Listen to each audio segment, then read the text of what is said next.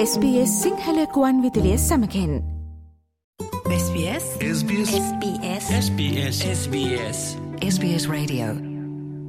ඔස්ට්‍රේලියාවේ පවතින ආර්ථිකර්බුදය හා නිවාසර්බුදය හේතුවෙන් බොහෝ දෙනෙක් තෙඩි අපහසුතාවයකට පත්වෙලා තියෙනවා. මේ හේතුවෙන් බොහෝ නිවෙස්හිමියන් තම නිවසේ කාමරයක් කුලියට දීමවැනි තත්වයකට යොමුවෙලා ඒවගේම නිවාසර්බුදය හේතුවෙන් කුලි නිවාස සොයා ගැනීමේ දැඩි අපහසුතාවයකුත් ඔස්ට්‍රලියාවේ බොහෝ ප්‍රදේශවල පවතිනවා. මේ ඇතිවෙලා තියෙන තත්ත්වයේ පවතින ගැටලු සහ මෙම තත්ත්වය කළමනාකරණය කරගන්න අපිට මොනවගේ දේවල්ද කරන්න පුළුවන් කියලා කරුණු ගෙන එන්න අපි අද බලාපොරොත්තු වෙනවා. ඉතින් මේ සඳහා සාකච්ඡා කරන්න අපි වික්ටෝරයා ප්‍රාන්තයේ කීප දෙනෙක්ව සම්බන්ධ කරගත්තා. අපි මුලින්ම අදහස් දැනගන්න කැමති විවේක් රණසිංහගෙන්. ඔහු කුලී නිවසක් සොයාගත නොහැකිව දැඩි අපහසුතාවයකට පත්වෙලා ඉන්න කෙනෙක්. ඔව් විවේක් අපි සාදරයෙන් පිළිගන්නවා අපේ SBS වැඩස්ටහන්ට. මුලින්ම අපිට කියන්න පුළුවන්ද ඔයාගේ ජීවන තත්ත්වය ගැන? එහෙම නැත්තං ලිවිං ඇරෙන්ජ්මන්ස් වල මේ වෙලාවේ තියෙන තත්ත්වය. ඔව් මම දැනට ඉන්නේ මගේ වයිෆුයි තව යාළුවෙක් අපි කාමර දෙකක් රෙන්ට් කරනවා වෙන කපල් එකකින් ඒගොල්ලෝ උඩ තට්ටුවේ ඉන්නවා අපි පල්ලෙහා තට්ටුවේ ඉන්නවා. එහෙම අරේන්ජ්මන්ට් එකක් අපිට තියෙන්නේ. මමයි වයිෆුයි දැනට අපි එක කාමරයක ඉන්නේ. තව මගේ යාළුවා අනිත් කාමරේ ඉන්නේ. අපි ඔක්කොම ගෙදර පස් එක 3 bedroom house අපි ඉන්නේ ඩැන්නම් වල ගෙදර ෂෙයා කරගෙන. ඔව්වෙක් අපි පොඩක් දැනගන්න කැමති ඔයාගෙන් ඔස්ට්‍රලයා ජීවත්වීමේදී මේ සිදුවීම නිසා වගේ ජීවන තත්වයට සිදුවලා තියෙන බලපෑම ගැන මම පොඩක් දැනගන්න කැමති. සෝ අපි දෙන්නම ළඟදි තමයි මම 2020 මෙහෙට ආවේ වයිෆා මේ අවුරුද්දේ මාස කිහිපයකට කලින්. අපි මම ලංකාවත් එක්ක කම්පයර් කරනවා නම් අපි ලංකාවේදී අපිට අපේ වෙනම ගැක් තිබ්බා. අපිට වෙනම කාමර තිබ්බා. අපි ලොකු වෙනකොට අපිට ඉන්ඩිවිජුවලි කාමර තිබ්බා. එනට දැන් අපි මෙහිට මූගුණාට පස්සේ අපිට ෆෝස්ෆුලි වෙන හිත් කරන්න දැක් නැති හේතුවකට අපිට එක් කාමරයක ෂෑ කරගෙන වෙන අයත් ගෙදර ඇස්ලයිදී අපිට ෂෑ කරගෙන ඉන්න සිද්ධ වෙලා තියෙනවා.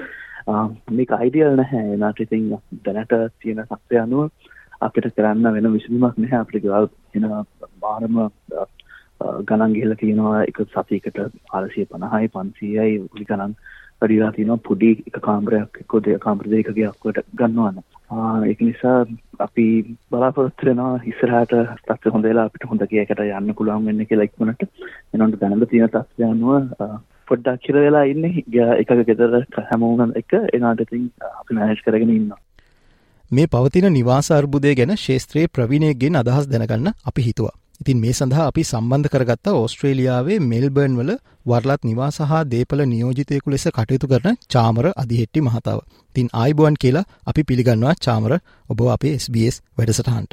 අයිබුවන් දිනේශ් ඔස්ට්‍රලියාවේ නිවාස ශේත්‍රයේ ප්‍රවීණෙක් විදිහට මේ ඇතිවෙලා තියෙන නිවාස අර්බුදය නිසා නිවෙස් හිමිකරුවන් හා කුලි නිවැසියන් මුහුණ දීලා තියෙන තත්ත්වය ගැන ඔයාගේ අත්දැකීම් අපිත් සමග බෙදා ගන්න නම් අපි මුලින්ම කැමති. සමස්තයක් වශයෙන් ගත්තාම ජීවන වියදම ඉහළ ගිහිලා තියෙනවා. මේ දැන් කියන ප්‍රධානම අභියෝගය තමයි මේ ඉහළ ජීවන වියදමත් එක්ක කොහොමද අපි අපේ ගෙදර නඩත්තු අපේ ගෙදර මෝගේජ් එක ගෙවන්නේ? ඒ අතරතුර කොහොමද අපි අපි ආයෝජනයට ගත්ත නිවාසේ වාරික ඒවා ගෙවන්නේ කියන එක. මේ ගැටලු හින්දා දැනට වෙළඳපොලේ තියෙන කුලී නිවාස ප්‍රමාණය ශීඝ්‍රදස අඩු වෙලා තියෙනවා. අලුත් ආයෝජකය අඩු වෙලා තියෙනවා.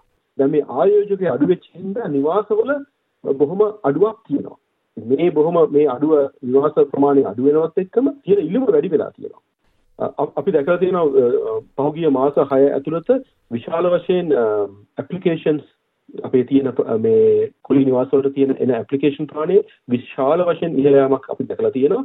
සාමාන්‍යයෙන් අපි ගයක් කුලියට අපි වෙළඳ පොළට ඉදිරිපත් කරාම අපිට සාමාන්‍ය ඇප්ලිකේෂන් එකක් දෙකක් පළවෙනි වීක් මේ සතියේ එනවා සතියකට සාමාන්‍ය මේ වෙළඳ පොළටදී. නමුත් පසුගිය මාස 6 බැලුවහම අපිට සමහර නිවාස වලට අයදුම්පත් 20කට වඩා හම්බ වෙලා තියෙනවා. ඒ කියන්නේ විශේෂයෙන්ම විශ්වවිද්‍යාල ගමනාගමන පහසුකම් තියෙන ඒ වගේ ඉහළ ඉල්ලුමක් තියෙන ප්‍රදේශවල තාමත් ඉහළ සංඛ්‍යාවක් වෙන ඇප්ලිකේෂන්ස් ඉතින් චාමර ඔයා දකින විදිහට මේ මෝගේජ් පේමන්ස් වැඩිවීමත් එක්ක නිවෙස් හිමියන්ට එම නැත්තම් හෝමෝනස්ලට කාමරයක් කුලියට දෙන්න. එම නැත්තම් මේ ෂයාඩ් කමඩේෂන් වගේ ඔප්ෂන් එකට යොමු වෙන්න සිද්ධ වෙලා තියෙනවා. ඉතින් මේක නිසා ඔස්ට්‍රේලියානු සමාජයේ ජීවන තත්වයට එම නැත්තම් කොලිටි of ලයිෆ් එකට මේක බලපාලා තියෙන ආකාරය ගැන ඔයාගේ අදහස් අපි දැනගන්න කැමතියි. මම ලකින්ද දිනේශ් දැන් වැඩි වුණ වියදමට එක විසඳුමක් තමයි තමන්ගේ ඔබ කිව්වාගේ තමන්ගේ ගෙදර කාමර හතරක් තියෙනවා නම් ගොඩක් ගෙවල් කාමර හතරක් තියෙනවා තුනක් තියෙනවා නමුත් පාවිච්චි කරන්නේ එකක් දෙකක් විතරයි ඒ අමතර ඉඩ තව කෙනෙකුට සමග ෂෙයා කර ගැනීම. මේකේ හොඳ පැත්ත තමයි තමුන්ට ආදායමක් වෙනවා මේ දවස් ගත්තොත් එහෙම මම වැඩ කරන සෞත් මොරෑන් පන්දුරා පැතිවල කාමරයක් ඩොලර් 200ක් වගේ සතියකට ඒ කියන්නේ අපි අවුරුද්දකට 10000ක් වගේ හොඳ ආදායමක් එනවා.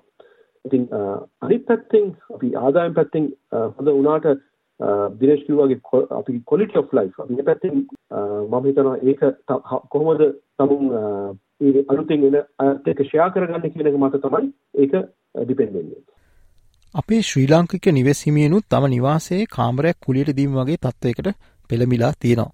ඉතින් මේ වගේ දේකට යොමු වෙන්න තීරණය කරපු ඉවෝන් මිරන්ඩෝ අපි මීළඟට සම්බන්ධ කරගත්තා.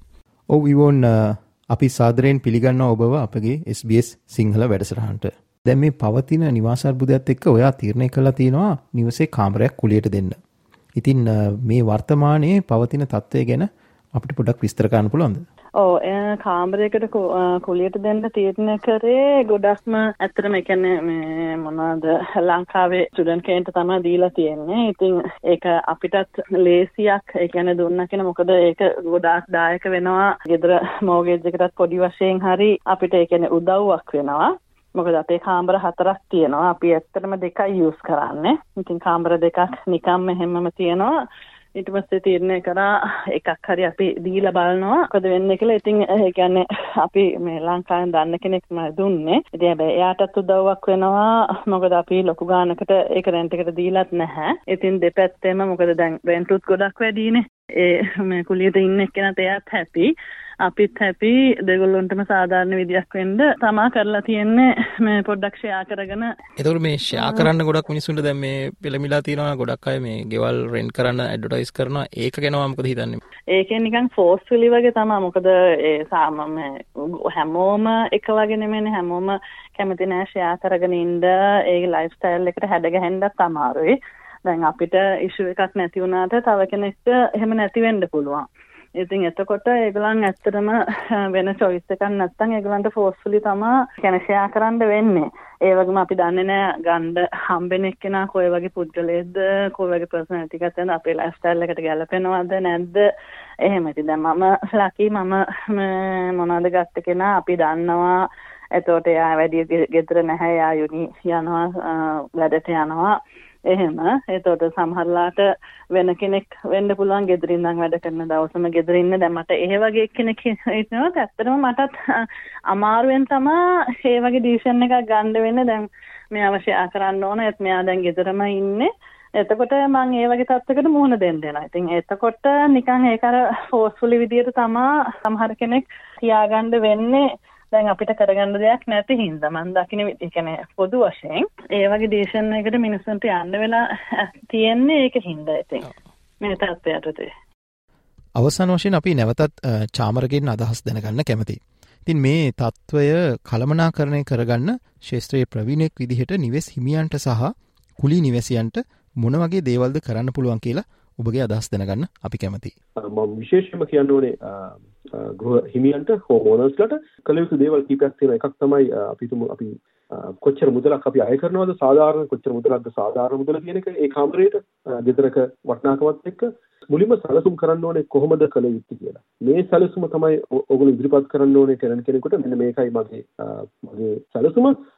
මේකට ඔයගොල්ලෝ කැමතිද කියන එක. ඒක මුලින්ම කළ යුතුයි මොකද මේ ප්‍රශ්න ඇතිවීම වළක්වා ගන්න මුලින්ම අවබෝධ බොහොම මේ වැදගත්. මුලින්ම තමුන් ඒ ප්ලෑන් එකක් කියලා ඒ ප්ලෑන් එක ටෙනන්ට කියලා මෙන්න මේකයි මගේ ප්ලෑන් එක. ඔයගොල්ලෝ මේකට කැමතිද එහෙමනම් අපිට මේ ඉස්සරහට යන්න පුළුවන් කියන එක. ප්‍රශ්න ඇතිවීම වළක්වා ගැනීම තමයි බොහොම වැදගත් වෙන්නේ. මොකද ඒ වගේ ප්‍රශ්න තමයි ගොඩක් වෙලාවට මිස් අන්ඩර්ස්ටෑන්ඩින් එකක් ඒකනේ ඇති වෙන්නේ බොහොම හේතුව. ඊට පස්සේ තමයි ඇග්‍රීමන්ට් එකක් හදාගන්න ඕනේ. බොහොම වැදගත් ඇග්‍රීමන්ට් එකක්. මේ අපි කතා කරපු හැමදේම අපි ලියන්න ඕනේ ලියලා ඇග්‍රීමන්ට් එකට ඇවිල්ලා ඒකට අස්සම් කරලා මේ ඇග්‍රීමන්ට් එක දැන් මොනවා හරි ගැටලුවක් ඉදිරියේදී ඇතුනොත් එහෙම අපිට මේ ඇග්‍රීමන්ට් එක තමයි රිෆර් කරන්න තියෙනවා. මෙහෙමයි අපි ඇග්‍රීමන්ට් අපි මෙහෙමයි අපි ඉස්සරහට යන්න ඕනේ. ඒ ඇග්‍රීමන්ට් එකේම තියෙන්න ඕනේ හදිස්සියේ අපිට මේක කවුරුහත් ගෙනියා ගන්න බැරි නම් අපි කොහොමද අයින් වෙන්නේ කියන එක. ඒ කියන්නේ අපි සතියක් ඇතුළත අපි අයින් වෙලා යනවද? එහෙම නැත්නම් අපි ඉමීඩියට්ලි අයින් වෙනවද? ඒ ඒ පිළිබඳ මුලින්ම ඇග්‍රීමන්ට් එකකට ඒ කියන්නේ අවබෝධ ගිවිසුමකට එන්න ඕනේ ඒ ටෙනන්ට් එක. ඒක බොහොම වැදගත්. මම පෞද්ගලිකවම උපදෙස් උපදෙස් කරන මේක පොලිස් චෙක් එකක් කරන්න, බෑග්ග්‍රවුන්ඩ් චෙක් එකක් කරන්න. තමුන් කාත් එක්කද ඉන්නේ කියලා. රෙන්ට් එක ගෙවන්නේ කොහොමද? රස්සාවක් කරනවද? මගේ බැංකුවේ සල්ලි තියෙනවද? ඒ ඒ දවල්ට චෙක් කරන එක බොහොම වැදගත්. ඉතින් අද සාකච්ඡාවෙන් අපි සමුගන්නවා අපේ සාකච්ඡාවට සහභාගි වූ විවේක් රණසිංහට ඉවොන් මිරන්ඩොට සහ අවසානයේ චාමර ඔබටත් අපේ ස්තුතිය පුද කර සිටනවා. ස්තුති Dinesh. SBS SBS SBS SBS SBS SBS Radio මේ වගේ තවත්තොරතුරු දැනගන්න කැමතිද.